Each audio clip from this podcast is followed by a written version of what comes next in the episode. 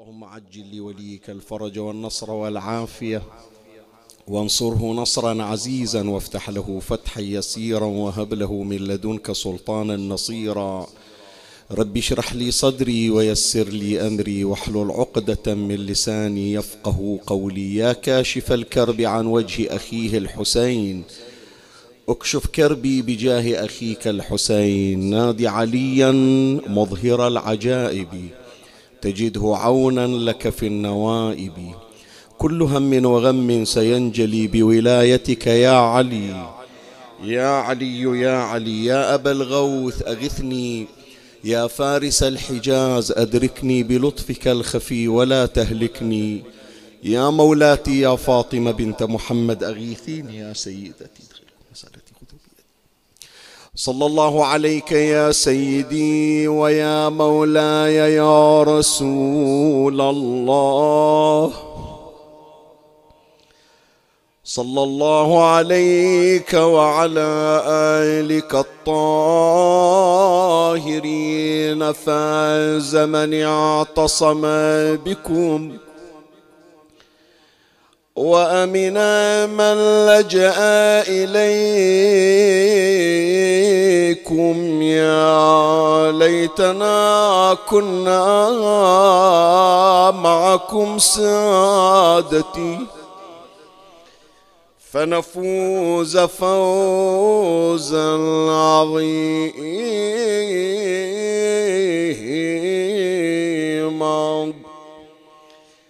ورد في كتاب عن إمامنا الحجة بن الحسن.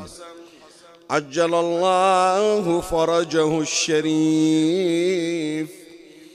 قال عليه السلام ونحن صنايع ربنا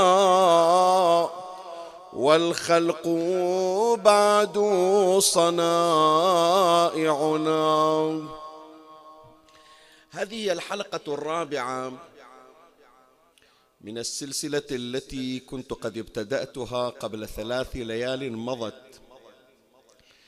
وتحمل عنوان صنائع الأئمة.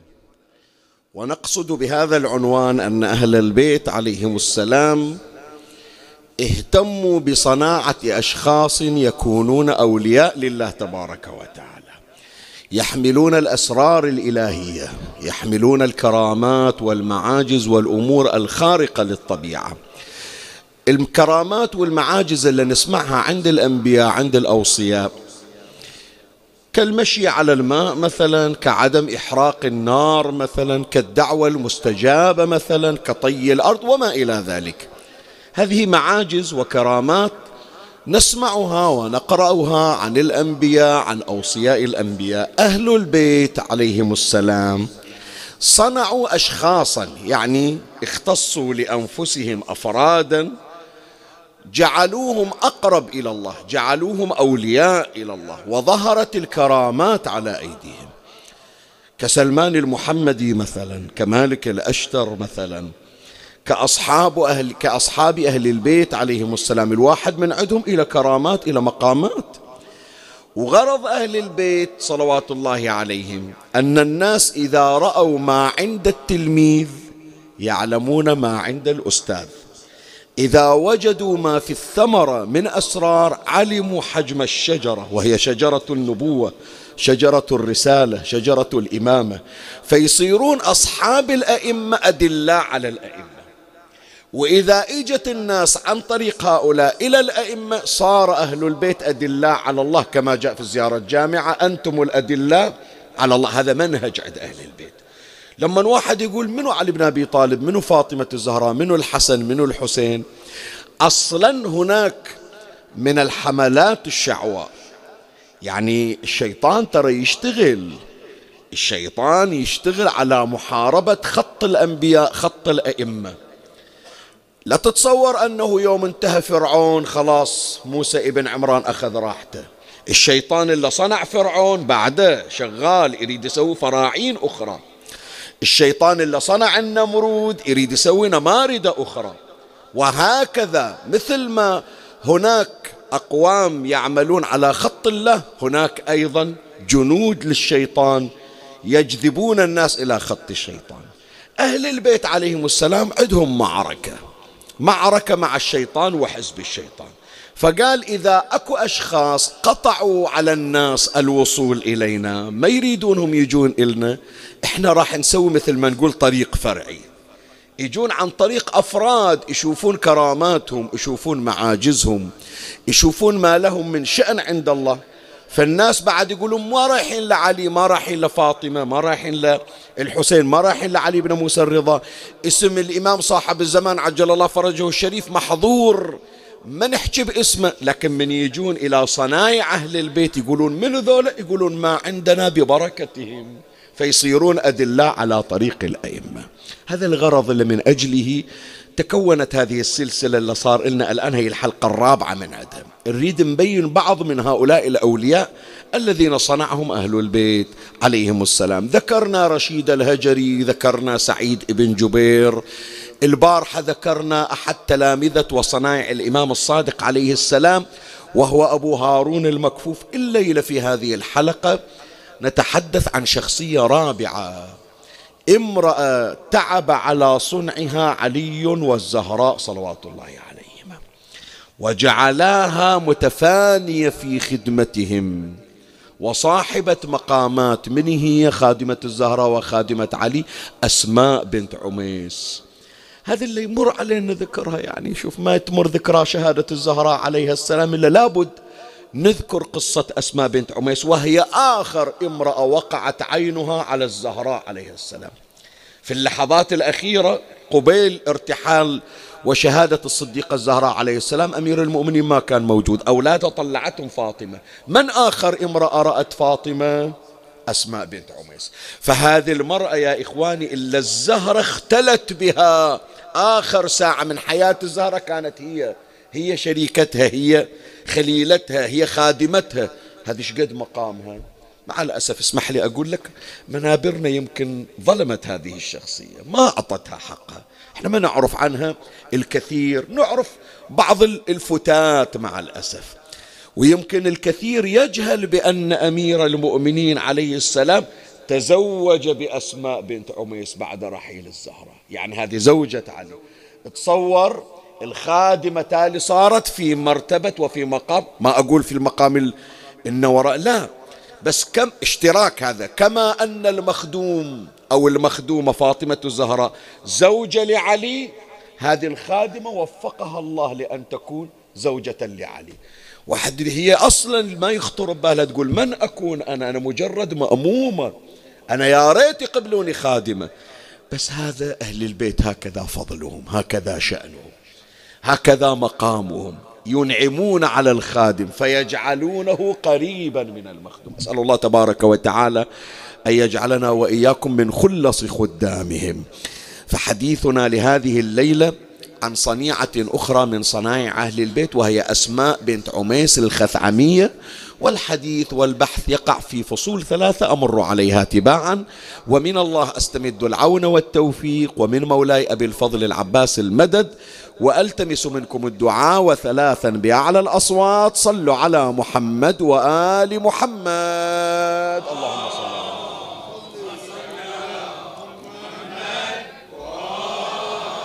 اللهم صل على محمد وآل محمد.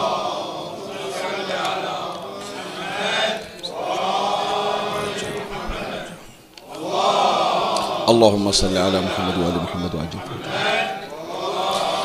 مولاي الكريم أنت حيثما كنت اسمعني وفرغ لي قلبك وأعرني سمعك وأقبل علي بكلك. أخبرتك بأن بحث هذه الليلة حول شخصية أسماء بنت عميس الخثعمية خادمة علي وفاطمة عليهم عليهما السلام. والحديث يشتمل على فصول ثلاثة. أول فصل نتعرف على أسماء بنت عميس. من هي أسماء بنت عميس؟ الفصل الثاني نتحدث عن أدوارها. زين هذه إيش سوت؟ شنو قيمتها؟ إيش خدمت الإسلام؟ إيش خدمت التشيع؟ هذا في الفصل الثاني. وأما الفصل الثالث والأخير نتحدث عن خدمتها لعلي وفاطمة عليه السلام. فأشرع وبالله التوفيق وعليه أتوكل. أولا من هي أسماء بنت عميس؟ هي واحدة من أخوات سبع. يظهر من الروايات يا إخواني أسماء بنت عميس ما عندها إخوة ذكور. إخوان ما عندها عندها أخوات. وهن سبع أخوات اثنتان شقيقتان. هذه أسماء من أم وأب مع أخرى اسمها سلمى. فعدنا أسماء بنت عميس وسلمى بنت عميس. ذول الثنتين شقيقات من أب وأم. أما الأب عميس يسمونه الخثعمي. قبيلتهم يسمونها قبيلة خثعم. والأم يسمونها هند بنت عوف. جابوا هالبنات الثنتين أسماء وسلمى. من وراء وفاة أبوها عميس تزوجت أمها برجل آخر يسمونها الح... يسمونها الحارث الهلالي. فأنجب أخوات خمس. ذولا أخوات أسماء من الأم فقط. لكن تعال شوف الآن تتعجب. شوف هالأخوات شلون الله وفقهم. ما أدري مار عليكم أحبائي حتما شايفين. مرات إجي أسرة أسرة متفانية محبة لله ولأهل البيت. الله يبارك في الأسرة. مرة واحد يصير بركة على الأسرة. حط بالك إيش أقول لك. واحد مثل ما نعبر عنه إحنا أهل البحرين جناوي من أهل الله. يصير بركة على الأبوين بركة على الإخوان. هو هذا يسمونه بركة البيت. ومرة لا مرة كل الأسرة قطع من الجنة. الإخوان الأخوات الآب الأم.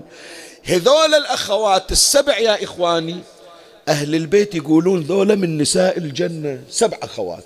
خلنا نشوف. خلي الآن تتفاجئ أنت. ذولا الأخوات السبع علما صارا أما أسماء بنت عميس راح يمر علينا. زوجة لأمير المؤمنين سلام الله عليه بعد أن كانت زوجة لجعفر الطيار. هذه الأولى اللي راح نتحدث عنها أسماء بنت عميس. أختها أختها سلمى بنت عميس شقيقتها من الأم والأب. زوجها منه الحمزة ابن عبد المطلب. اي نعم شوف التوفيق. زين ذول الشقيقات أمهم تزوجت واحد ثاني الحارث الإلهي. أنجبت خمس بنات. أما الأولى ميمونة بنت الحارث زوجة منه نبينا محمد صلى الله عليه وآله.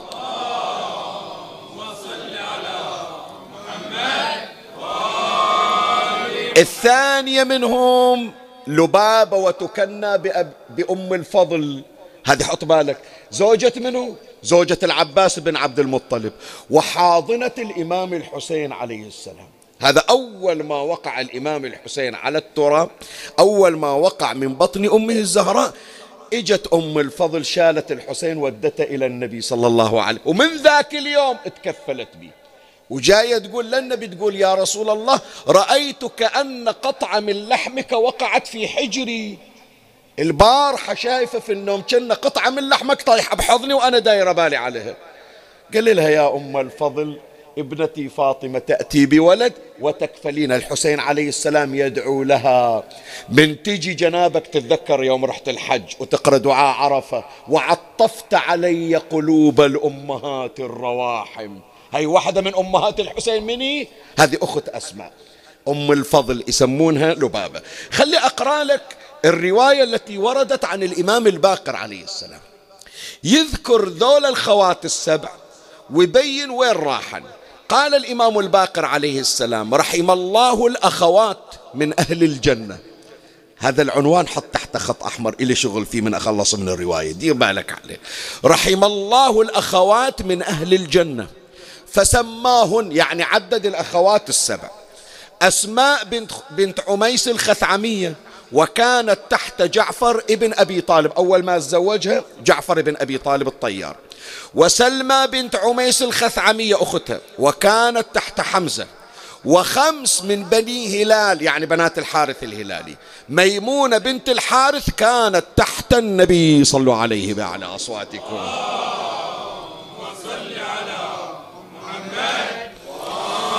وأم الفضل عند العباس اللي هي قلنا اسمها لبابة الإمام يقول إلها اسم ثاني اسمها هند. والغميصاء أم خالد ابن الوليد. فهذه أسماء بنت عميس تسمع عنها تصير خالة خالد بن الوليد. يعني المفترض أنه يتغذى من عشق خالته وأمهاته. بعد والغميصة أم خالد بن الوليد. وعزة كانت في ثقيف وحدة كانت بالطائف عند الحجاج ابن غلاظ. وحميدة الأخت السابعة لم يكن لها عقب. فهذول سبع أخوات تعبوا على روحهم. اجتمعنا على محبة النبي ومحبة أهل البيت. والله رزقهم يصيرون ويا بعض في الجنة. إيش أريد أقول أنا؟ ليش جايب هذه النقطة على وجه التحديد؟ هي رسالة يا أحبائي. رسالة إلى أخواتنا. شقد جميل لما نشوف أن الأخوات يتشاركن في خدمة أهل البيت عليهم السلام. هذه الأخت خصوصا يعني مرات يعني حتما يعني يمكن بعض أخواتنا يسمعن. الأم تفارق الحياة. الأخت الكبيرة تصير هي الأم. أنا شفت بعيني أسولف لك شفت بعيني يعني. الأخت الكبيرة عقب ما تتوفى الأم إخوانها أخواتها يعتبرونهم أم. يعتبرون هذه الأخت الكبيرة أم. من يجون يطيحون على راسها يبوسون راسها كأنما أمهم حاضرة.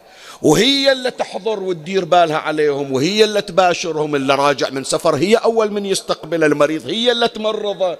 إذا عندهم حاجة يشتكون إلها. إذا صار خلاف بين الخوات بين الإخوان هي اللي تفصل. كأنما الأم حاضرة. ترى هذا درس شلون الأخت الكبيرة تقدر تحتوي أخواتها وتنقلهم إلى أن يكون لهم بيت مثل ما جمعهم بيت في الدنيا يجمعهم بيت في وين؟ في الجنة. خلي توصل هالرسالة هذه إذا أكو أخت إلى الآن ما كلمت أختها صار لها سنة سنتين. خلي هالعبارة وهالرسالة توصل إلى بعض الإخوان ما نحكي فقط عن الإناث. إناث وذكور. نقول خلها تاخذ من أسماء بنت عميس درس. أسماء بنت عميس قالت ما يكفيني أنا أصير خدامة للزهراء وإلا هذا في حد ذاته لقب يكفي تاج على الرأس. لكن أريد مثل ما الله رزقني سعادة خدمة فاطمة أريد هم خواتي يسمونهم خدام للزهرة خلت أختها خادمة وحاضنة للحسين أم الفضل. خلت خواتها ولهذا عدنا بالروايات يا إخواني أنه كانت أسماء بنت عميس مع العلم أسماء هذا تسمع أنا مو جارية مو أمة مو عبدة لا امرأة حرة شريفة. لكن قالت شنو شرفي شنو حسبي شنو جاهي شنو عائلتي شنو قبيلتي؟ إنما شرفي وحسبي ونسبي خدمة محمد وآل محمد صلوات الله عليهم.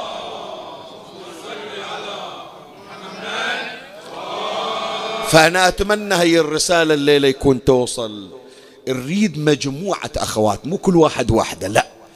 الأخت تعلم أخواتها الأخ يعلم إخوانه يعلمونهم على خدمة مأتم الحسين يعلمونهم على صلاة الليل. شقد جميل الأخت أو الأخ الكبير من الصبح أول ما يقعد قبل قبل صلاة الفجر من يصلي صلاة الليل. يلا خواتي هذا الآن وقت صلاة الليل. خلنا كنا نربي أولادنا. على القرب من الله على حب أهل البيت. يلا خواتي لو صفحة من القرآن نقرأ. يلا خواتي هي الوفاة جاية من صوبنا هذه الوفاة. حتى ثوابها يروح إلى أبونا وإلى أمنا. تعلمهم بالتدريج. وتالي الأخوات يصيرون كلهم أهل جنة كما كانت أسماء بنت عميس مع أخواتها. فهذا واحد أسماء بنت عميس وأخواتها. بعد أزواجها.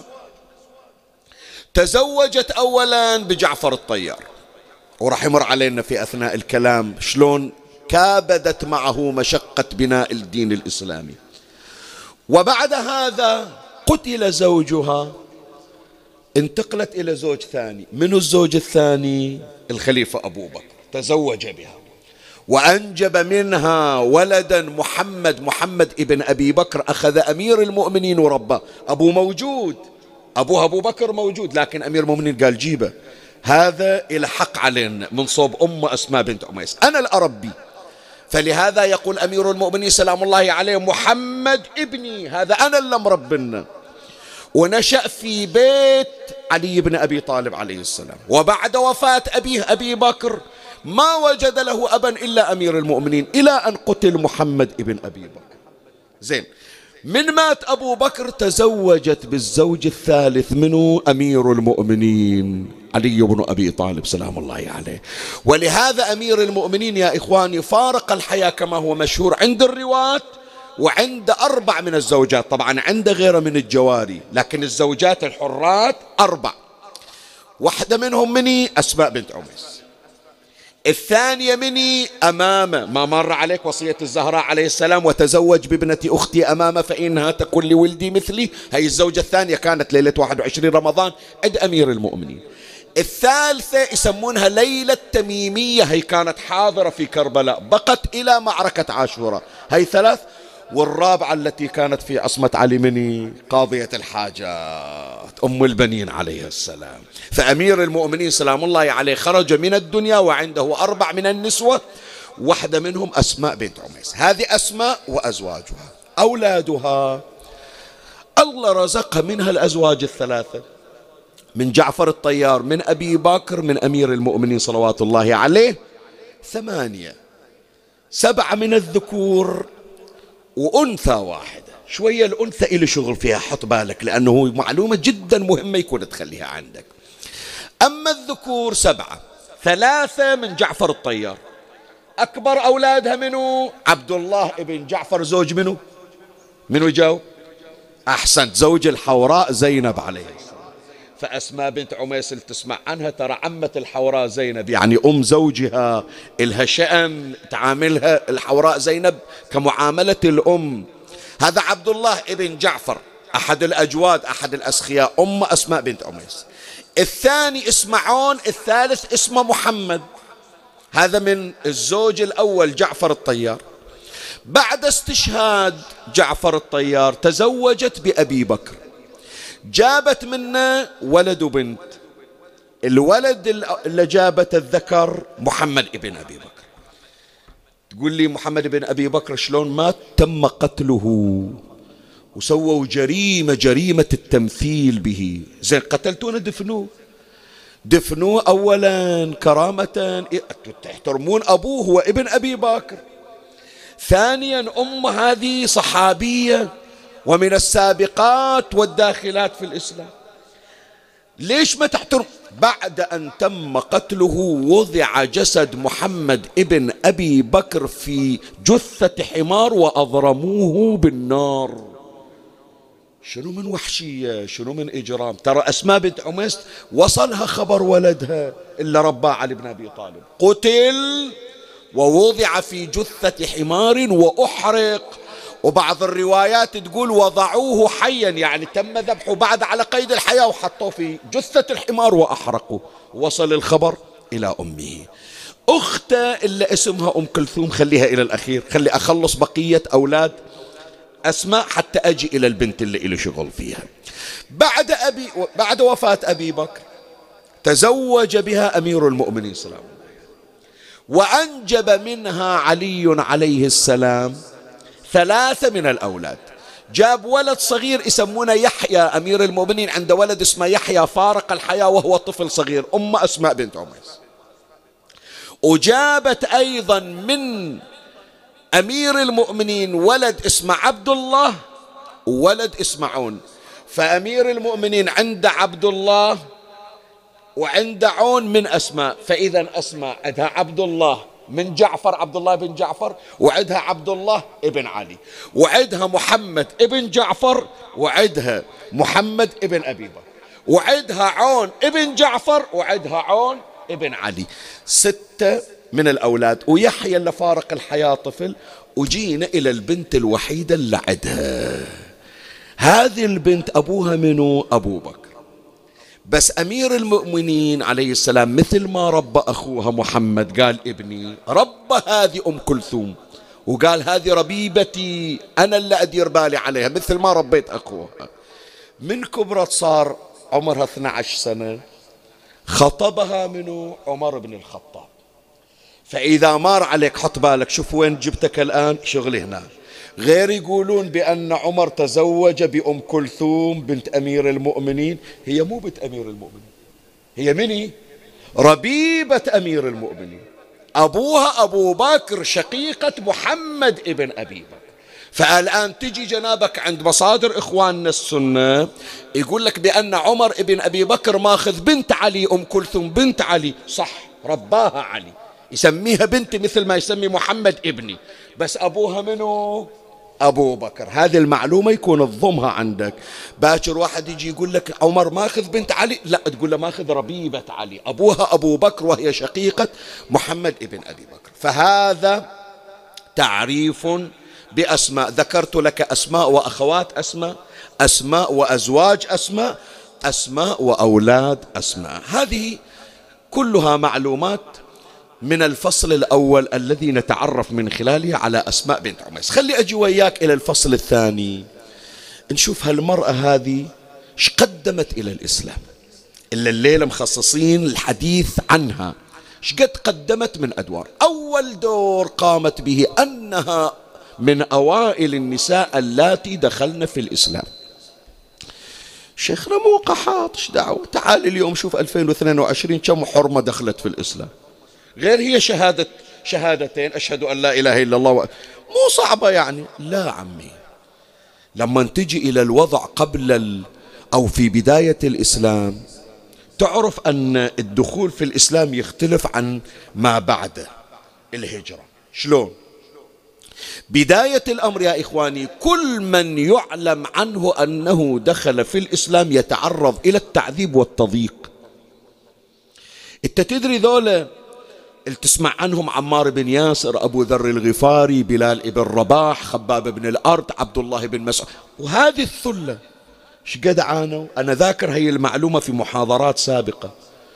تصور جنابك ظل يظلون يعانون من آلام التعذيب إلى مدة أربعين سنة.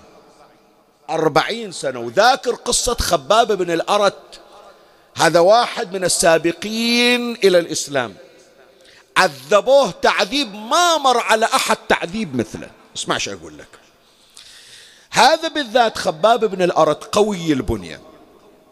إذا عمار ابن ياسر من التعذيب صار يسب النبي وإجا إلى النبي يبكي يقول له يا رسول الله سامحني. خلوا راسي بالماء يريدون يقتلوني. قالوا إلا تسب محمد يلا نخليك. فأنا اضطريت بعد شو أسوي بالعزيز علي؟ قالوا قلبك شلون؟ قال قلبي مطمئن بالإيمان. قال له إذا عادوا لك فعد. سبني ما عليك. أهم شيء تنجو. هذا الخباب لا.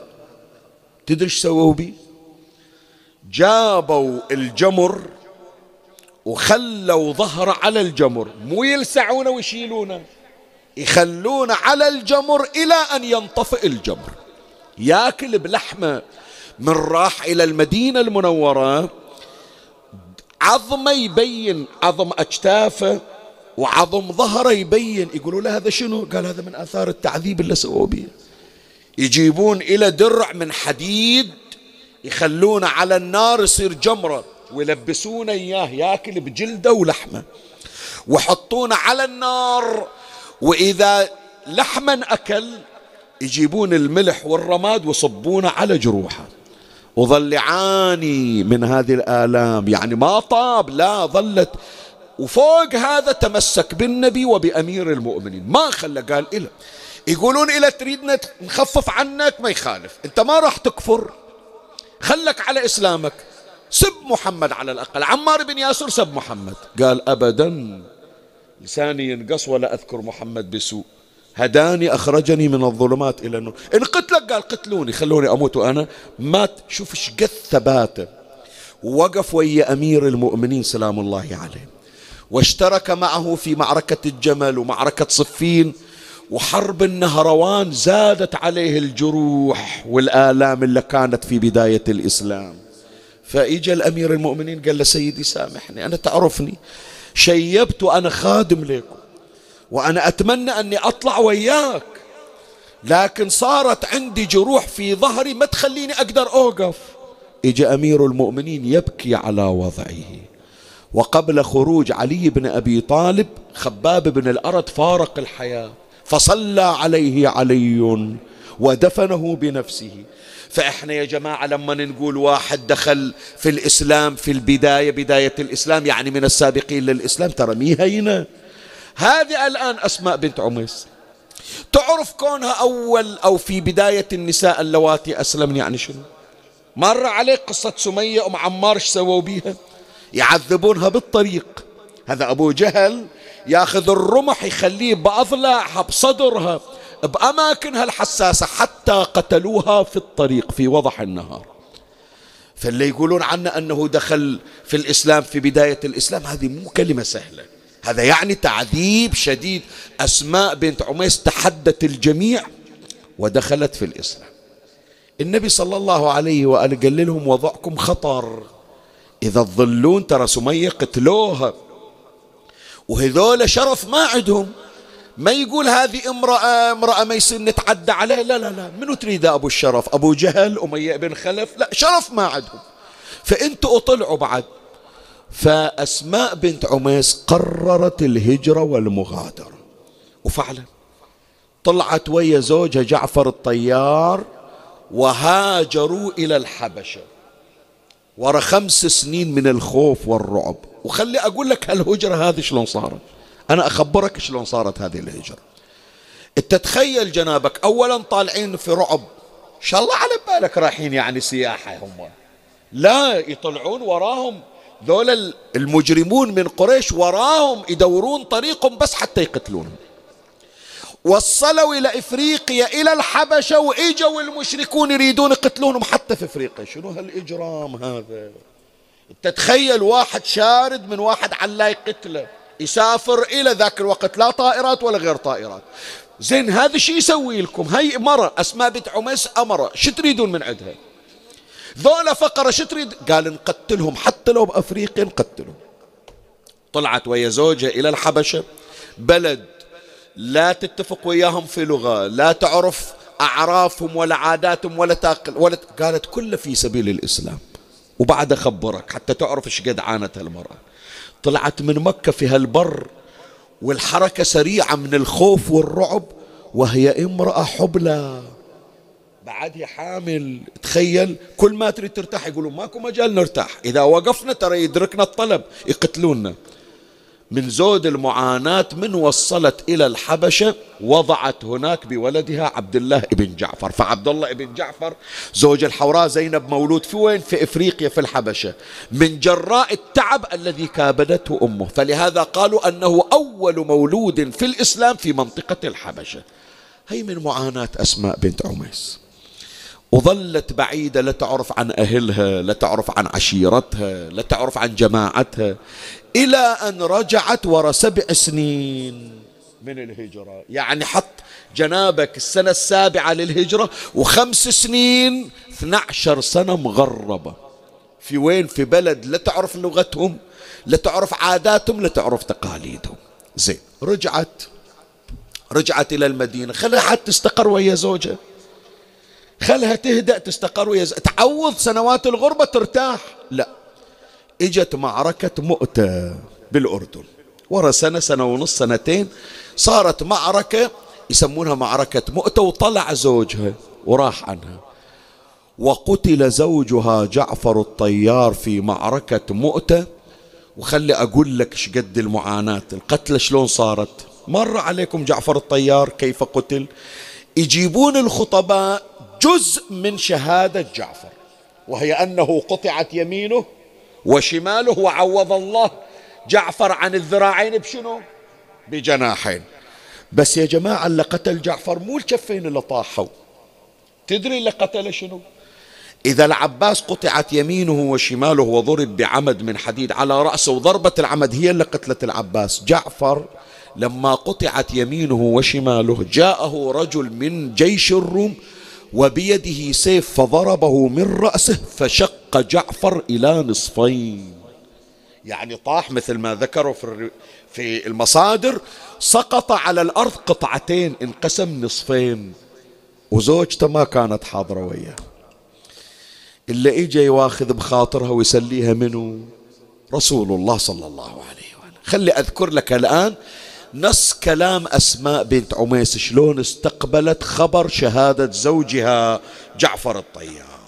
قالت أسماء بنت عميس أصبحت في اليوم الذي أصيب فيه جعفر وأصحابه فأتاني رسول الله صلى الله عليه وآله وقد منأت أربعين منا من أدم. تقول قاعدة أشتغل من الصبح قاعدة أشتغل عندي خياش مثل ما نقول إحنا من جلد. أترسهم طحين شعير حتى أجهز أكل إلى الناس. شوف إيش قد معانية ومضحية. وقد منأت أربعين منا من أدم وعجنت عجيني وأخذت بني فغسلت وجوههم ودهنتهم فدخل علي رسول الله. تقول أنا قاعدة أشتغل؟ دخل النبي صلى الله عليه وآله. فدخل علي رسول الله صلى الله عليه وآله. فقال يا أسماء أين بنو جعفر؟ أولادك وينهم جيبيهم إلى شغل فيهم. أين بنو جعفر؟ فجئت بهم إليه فضمهم وشمهم ثم ذرفت عيناه فبكى. أيتام ثلاثة ثلاثة أطفال صغار. إيه فذرف ثم ذرفت عيناه فبكى. فقلت يا رسول الله لعله بلغك عن جعفر شيء. هالحركة تسويها للأيتام؟ جعفر مسافر زوجي أبوهم. موصل خبر شيء لعله بلغك عن جعفر شيء. قال نعم إنه قتل اليوم. شوف إيش سوت. ليش يا جماعة؟ مو قصة زوجه فقدته. جعفر مقامه عند الله وجعفر تعرف ظهر علي بن أبي طالب. فلهذا أمير المؤمنين يوم وصل خبر جعفر قال اليوم كسر ظهري. شوف اللي يعرف. الحجم والقيمة. وفوق هذا رسول الله متأذي. فلهذا هي أسماء تقول. يقول فجعل رسول الله آه، خلي أقرأ لك الكلمة. فقالت يا رسول الله لعله بلغك عن جعفر شيء. قال نعم إنه قتل اليوم. فقمت أصيح واجتمعت إلي النساء. فجعل رسول الله صلى الله عليه وآله يقول يا أسماء لا تقولي هجرا ولا تضربي صدرا. يعني أنا جاي متعني إليك ما أريدك تصيرين في هالحالة. فتتخيل مفجوعة وما تقدر تخالف النبي. ثم خرج حتى دخل على ابنته فاطمة عليها السلام. وهي تقول وعماه فقدت عمها جعفر. فقال على مثل جعفر فلتبكي الباكية. يعني يستاهل جعفر تبكي عليه وحدة مثل بنت فاطمة. ثم قال اصنعوا لآل جعفر طعاما فقد شغلوا عن أنفسهم اليوم. فهذه صورة من أدوار أسماء بنت عميس. ختام حياتها عوض أن ترتاح عوض اللي قدمته من تضحيات تفجع بزوجها. وتصير أم أيتام. بحيث النبي والمدينة يونون على بكائها وعلى عويلها خلاص هذا الفصل الثاني. أختم وياك الفصل الثالث هالمقدار كافي. شوف عمي لها عندها هالطهر وعندها هالارتباط بالله شلون الله وفقها إنها تصير خادمة لفاطمة الزهراء عليها السلام. شلون؟ راح أقرأ لك الآن الرواية تعرف الله عطاها ما عطى غيرها من خدام الزهراء بحيث إلى الآن الرواة والمؤرخون متعجبين من شيء. شلون؟ حط بالك للكلمة هي مسك الختام. أسماء طلعت من مكة راحت إلى الحبشة. هو هي ويا جعفر. بقوا هناك تقريبا ثمان سنوات. وفوق الثمان سنوات حط عليها سبع سنين خمسة عشر سنة غربة. في هالفترة كلهم جعفر وأسماء بالحبشة بأفريقيا. لكن يقولون بس مرة واحدة جعفر وأسماء رجعوا المدينة وردوا ورجعوا الحبشة. هذا اللي محير محير الرواة ومحير المؤرخين من الشيعة. شلون؟ يوم تزوجت فاطمة الزهراء عليه السلام وزفت على أمير المؤمنين عليه السلام. هذا المجلس معقود على شرف أمير المؤمنين وفاطمة الزهراء صلوات الله عليه. يعني. من يجون يقرون الرواة في الروايات الخاصة بسفاف الزهراء على أمير المؤمنين أسماء حاضرة. وجعفر الطيار حاضر. أسماء تشتغل تخدم فاطمة في زواجها. وجعفر واقف يخدم أخوه في ضيفة زواجه. فالرواة في التعليقات هالشكل يصفنون. يقولون زين هم غير في الحبشة إيش جيبهم للمدينة؟ أثار يا جماعة قطعوا سفرتهم ويجوا حتى يخدمون علي وفاطمة. شوف التوفيق شلون. شوف التوفيق شلون. اللي يقولون ما نريد خدام غيركم. أولادي إخواني. شوف. بس سؤال أول أسألك رد عليه. الحسين محتاج إلى خدمتنا؟ أريد أسمعها من عندك. شو تقولون؟ محتاج إلى خدمتنا الحسين؟ إلا عنده جبرائيل خدمة محتاج إلى ياسين يطلع من بني جمرة إلى عراد أو غير ياسين؟ إلا عند الملائكة تتشرف السلام عليك وعلى ملائكة الله الحافين بحرمك الشريف الم... ما محتاج إلنا. لكن يا جماعة شقد هذا سعيد هذا الخادم لما الحسين يقول عندي جبرائيل والملائكة يخدموني لكن ما أريدك إلا أنت تخدمني ما أريد غيرك. شقد سعادة. شقد هذا رقي وتاج من يسمونك خادم الحسين. يقول ما أنا محتاج للخدمة. الكون كلما خلقت سماء مبنية ولا أرضا مدحية. بس أنا أريدك أنت مختار إنك أنت. شوف الزهراء عليها السلام. الزهراء بأبي وأمي أم أيمن تقول من تنام يجي جبرائيل يهز مهد ولدها. يجي ميكائيل يطحن الراحة عندها. الملائكة تخدمها وتستأذن عليها. لكن في الزفاف تقول لا أريد جبرائيل ولا ميكائيل ولا الملائكة ولا الجن ولا الإنس. أريد أسماء بنت عميس هي اللي توقف وياي. الله.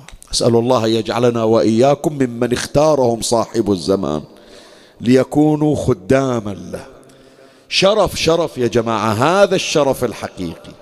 خلي أقرأ لك الرواية. تقول أسماء بنت عميس شوف إيش سوت يوم إجت طلعت من الحبشة وإجت تخدم الزهرة. لقد جهزت فاطمة بنت رسول الله صلى الله عليه وآله إلى علي بن أبي طالب عليه السلام. وما كان حشو فرشهما ووسائدهما إلا ليف ما عندهم شيء. ولقد أولم علي لفاطمة عليها السلام فما كانت وليمة ذلك, ذلك الزمان أفضل من وليمته. اسمعوا شباب شوية مجلس هذا إن شاء الله تكون مجلس فضائل. جابوا شاة ذبيحة يعني. والتفت النبي لعلي بن أبي طالب قال ليش عندك؟ قال ما عندنا ما عندي إلا تمر وشوية شعير. هذا رهنت الدرع عند يهودي هذا اللي قدرت أجيبه. قال ما عليك نتعاون وياك الشاة علينا وجيب الشعير حتى نطحنه وجيب التمر حتى نسويه ضيفة. قال يا رسول الله والمعازيم؟ قال له روح إلى المسجد واعزم من أحببت. ناس جواعة يا جماعة سؤال أسأل. وهي ذبيحة ما دشن فيها عشرة كيلو 12 كيلو. شو تكفي شو تخلي؟ والناس من الجوع يأكلون أكل مضاعف. قال له روح المسجد واعزم اللي تحب. اجى أمير المؤمنين قال أنقي كم واحد. أشوف كم واحد موجود سلمان أبو ذر كذا. على اللي يكفي. يقول علي فلما أتيت المسجد استحييت. ما أعرف يقول. أعزم ناس وأخلي ناس ما أعرف. لا قلت يلا على الله مثل ما نقول إحنا على الله. فوضع علي يديه طلع من المسجد صعد على ربوة ووضع علي سبابتيه في أذنيه وقال أجيبوا وليمة فاطمة. اللي يحبنا والما يحبنا حياكم. هي أم حسين هذه تستاهل. ناس جواعة وسامعين وليمة. اجتمع ثلاثة آلاف نسمة. اجى أمير المؤمنين إلى النبي النبي التفت إلى علي. كم واحد عزمت؟ قال يا رسول الله ما عرفت. ناديت أجب قال ما عليك ندبرها ندبرها. أوقفوا على الباب. نادى على الحمزة نادى على العباس نادى على عقيل. جعفر الطيار كان حاضر إجاي حتى يخدم قال أوقفوا على الباب ودخلوا عشرة عشرة. وإحنا اللي راح نأكلهم وقعد النبي وجيء له بقصعة. وثرد الخبز وقد أصلح الشاة فصب المرق ووضع اللحم. قال عشرة عشرة تدخلونهم وحاط لهم تمر وحاط لهم الضيفة كمال الوليمة. العشرة يجون ياكلون يطلعون يدخلون عشرة غيرهم ياكلون يطلعون. حتى أكل أهل المدينة وضواحي المدينة ومن اليهود وكل من حضر أكلوا وشبعوا ثلاثة أيام من وليمة فاطمة بنت محمد صلى الله عليه وآله.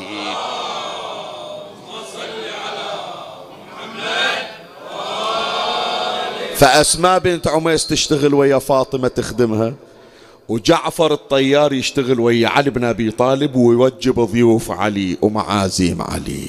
زين. هذه الآن مسك الختام. مجلس مكتفي لله الحمد. الحمد لله رب العالمين. هذه من فيوضاتهم علينا. شوف اللي خلى أسماء تطلع من الحبشة وتجي إلى المدينة حتى تخدم الزهراء في زواجها. شنو السبب؟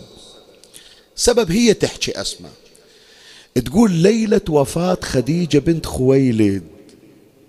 يعني يقول أنا قاعدة وياها. وشفت دمعتها تسيل على خدها. قلت لها يا سيدتي مما بكاؤك؟ مو انت تبكين غيرك اللي يبكي. تبكين من شنو؟ من خوف من الموت؟ انت مبشرة بالجنة. إحنا شو نسوي؟ قالت أسماء لا والله مو خايفة من أنا رسول الله طمني وجاني السلام من الله. بس أسماء أنا ما عندي إلا البنية هذه فاطمة. ورايحة عنها الليلة باكر رايحة عنها. وأنا أعرف البنية وقت الزواج. لازم تحتاج إلى وحدة توقف وياها ليش؟ يمكن عندها حاجة خاصة ما تريد تسولف. يمكن عندها بعض زين زوجها بعد ولد شاب وهي بعدها بنت صغيرة. وما وياها أحد وما مو وياها. ولا عندها خالات ولا عندها عمات ولا عندها. إلا موجود مثلا من أهلها تستحي من عندهم فاطمة. أعرفها أم الحياء والخجل. فتمنيت أنا أكون حاضرة وياها وقت الزفاف. أوقف أنا اللي ألبسها بيدي وأنا اللي أحط إيدها بإيد ابن عمها. أسماء يوم سمعت دموعها سالت. هي يعرفون النساء يعرفن هالحكي هذا أكثر؟ يمكن إحنا الرجال ما نعرف أسرارها بس الأم والخت تعرف هالكلام. أسماء يوم سمعت جرت دمعت قالت مولاتي مولاتي خديجة أم الزهراء اسمعي إيش أقول لك؟ كان الله عطاني طولة العمر. حتى لو أنا بعيد أطلع وأجي إلها وأخدمها على العين والرأس. وتاخذينها علي عهد أوقف ويا الزهرة بزواجها كأنك أنت حاضرة. ضحكت خديجة قالت إي والله جزاك الله خير. فخلي أقرأ لك الرواية شوف إيش قد هي. تبكي العين ترى. عن أسماء بنت عميس. قالت حضرت وفاة خديجة عليها السلام. فبكت. فقلت أتبكين وأنت سيدة نساء العالمين؟ طبعا الزهراء من الأولين والآخرين. وأنت زوجة النبي مبشرة على لسانه بالجنة. فقالت ما لهذا بكيت؟ ولكن المرأة ليلة زفافها لا بد لها من امرأة تفضي إليها بسرها. وتستعين بها على حوائجها. اسمع شو تقول شوف الكلمة إيش قد تكسر الخاطر. وفاطمة حديثة عهد بصبي بعدها بنية وزوجها شاب. ما موجود وياها أم تحضر وياها. وأخاف أن لا يكون لها من يتولى أمرها حينئذ. فقالت يا سيدتي لك علي عهد الله. إن بقيت إلى ذلك الوقت أن أقوم مقامك. كنك حاضرة. أنا أجي حتى لو بعيد بالحبشة أطلع وأجي على حساب أم حسين. وأخاف أن لا يكون لها من يتولى أمرها حينئذ. فقلت يا سيدتي لك علي عهد الله. إن بقيت إلى ذلك الوقت أن أقوم مقامك في هذا الأمر. فلما كانت تلك الليلة يعني ليلة الزواج وجاء النبي صلى الله عليه وآله أمر النساء فخرجن. طلعوا بعد الآن خلاص ليلة الدخلة الآن راح نطبب علي على الزهرة. ما أريد واحدة موجودة. فخرجنا وبقيت أسماء تقول كلهم النسوان طلعوا بس أنا اللي ظليت. فلما أراد الخروج النبي رأى سوادي شافني واقفة واحدة واقفة. قال من أنت؟ فقلت أسماء بنت عميس. فقال ألم آمرك أن تخرجي؟ ما قلت لكم طلعوا. فقلت بلى يا رسول الله فذاك أبي وأمي. وما قصدت خلافك أنا مو لا عاند. بس عندي شغلة اللي وقفتني. ولكني أعطيت خديجة عهدا. ترى ليلة إلا خديجة على فراش الموت. وصتني وصية وأنا علي عهد جاي أريد أديه قال عهد شنو؟ قالت وحدثته فبكى. فقال بالله لهذا وقفتي. يعني طالعة من الحبشة جاية من إفريقيا على حساب توقفين تخدمين فاطمة؟ قالت إي والله يا رسول الله. طالعة على حساب أم الحسن جاية أخدمها هالليلة. علا تقول يتيمة ما عندي أم وياه. فلما سمع النبي بكى فقلت نعم والله. فدع شال إيد النبي. هنيالك أسماء. إن شاء الله تحضر لك أم حسين مثل ما وقفت لي. عمي ليش تبكي ليش؟ إيش دعوة قاري لك مصيبة؟ أنا اللي أحكي لك عن زفاف الزهراء. شو تذكرت حتى سالت دمعتك وبكيت إي أنا أقول لك أنا أقول لك. أنا أقول لك شو اللي بكاك أنت كأنك تحكي ويا أسماء. تقول لها أسماء صحيح الزفاف مهم. لكن الجنازة أهم من الزواج.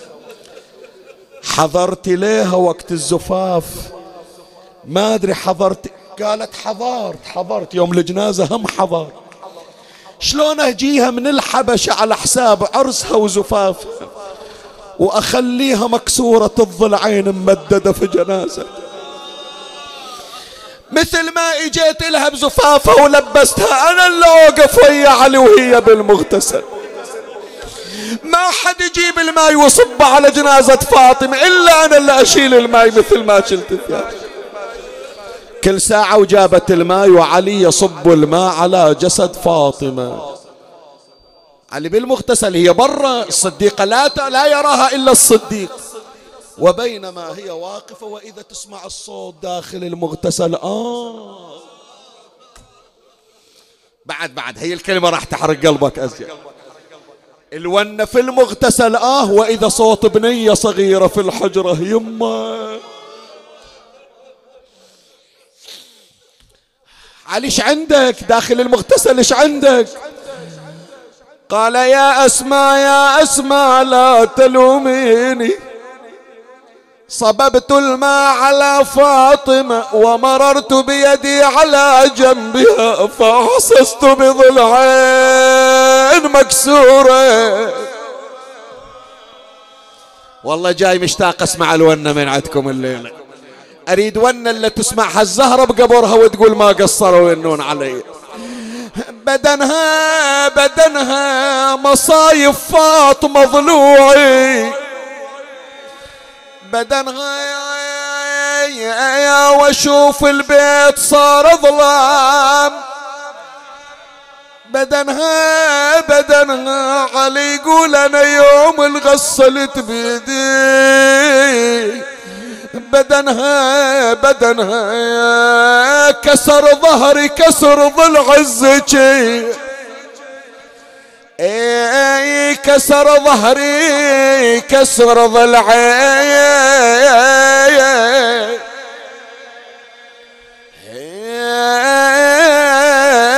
الزكي الله يا علي بجتكم محسن وضلوعها. حملها حملها نبي ولا وصي قبلك. وصي ولا نبي قبلك حملها يا حيدر انت للزهرة حملها حملها. عليكم فاطمة المجلس كله خلى يصير حملها. اسمى تصيح شلون يسقط الزهره حملها حملها. وانت تشوف يا حامل حمي اي وانت تشوف يا حامل.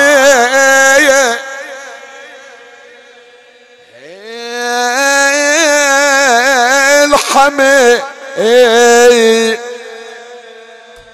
كانها طلعت زينب من الحجرة. كانها اجت الأسماء. اسماء إيش عند ابويا يوين إحنا بالحجرة ويا إخواني وسمعت الصوت صوت الونة كان أسماء تقول لها زينب يقول شاف ضلعين مكسورين من أمك. قالت خلي أحكي ويا أبويا. ضلع واحد يا علي وهد حيلك. ضلوع حسين شو تسوي؟ أنا اللي أموت يا أبويا مو أنت. أنا اللي أشوف أربعين حافر تصعد على صدر أخويا. ضلع واحد ما قدرت بويا تشوف. لو ان حاضر يا علي برض الطفوف. تنظر ابنك قطعت جسم السيوف. وخلت الأضلاع كلها مكسرة يا أبوي. بالرخصة من السادة اللي عندي بالمجلس خاف يتأذون على أمهم الزهرة إيه ضلع واحد ينكسر من البتول. لولا ضلع اللي انكسر من البتول. كان ما داست على حسين لولا ضلع اللي انكسر من البتول. كان ما داست على حسين خيول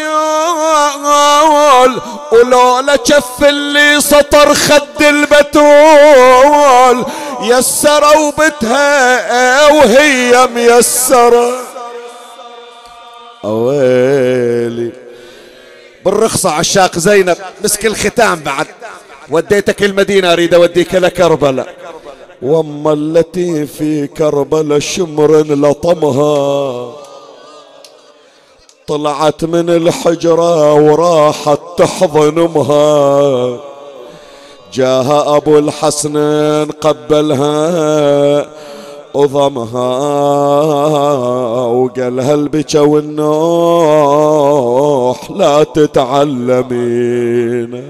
زينب ضم البكا والنوح لأرض الغاضرية. لا من نظرت حسين طاح على الوطي. صعدت على صدره خيول أعوجية وصدره يا زينب بالخيول مكسرين. وصدر تربيه البتول.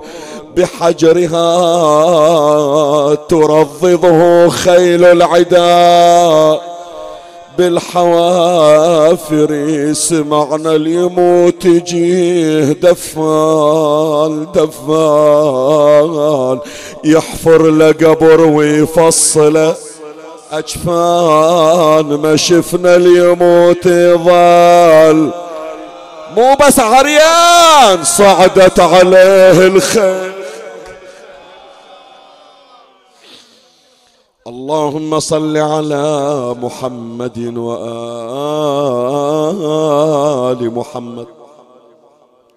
لحوائجكم لحوائجنا لحوائج إخواننا يا إخوان. كثير طلبات خصوصا هذا الأسبوع. من البحرين من خارج البحرين الخليج العربي من العراق. الآن قبل لا أنزل من السيارة رسالة جايتنا من أمريكا. هذا يقول أنا بغربة ما حد وياي وعندي حاجة متعسرة. فأنتم من تقعدون بمجلس فاطمة لا تنسونا من الدعاء. إن شاء الله يبشرونا يا إخواني بقضاء الحوائج وتفريج الهم والغم وشفاء المرضى. الأسماء المقدسة للتوسل والاستشفاء. بك يا الله بمحمد بعلي بفاطمة بالحسن بالحسين. بعلي بمحمد بجعفر بموسى بعلي بمحمد بعلي بالحسن بالحجة ابن الحسن بجاه أم البنين بجاه ولدها كاشف الكرب عن وجه أخيه الحسين. اقض حوائجنا يا الله. فرج عنا وعن المؤمنين سيما من سألنا الدعاء يا رب العالمين. عجل اللهم فرج إمامنا صاحب العصر والزمان. شرفنا برؤيته وارزقنا شرف خدمته. ارض اللهم قلبه عنا فإن في رضا قلبه رضاك علينا. ترحم على أمواتي وأموات الباذلين والسامعين والمؤمنين. سيما من لا يذكره ذاكر ولا يترحم عليه مترحم. أوصل لهم جميعا ثواب هذا المجلس الشريف وبلغهم ثواب سورة الفاتحة تسبقها صلوات.